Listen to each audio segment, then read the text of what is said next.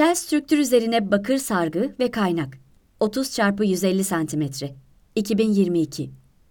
Sanatçının bu serisinde yer alan, terk edilmiş yaşam alanı olarak düşünülen ve oluşturulan doğal yuvalara bir öneri olarak sunulan sembolik kanat yorumu, insanın ekosisteme verdiği zararların bir göstergesi olarak doğanın insanca korunma mücadelesi ve bütünleşme çabası üzerine düşündürmekte, arıların doğanın dengesini ve üremesini sağlamak için verdiği içgüdüsel mücadelede sahip oldukları iletişime bir sembol olmuştur.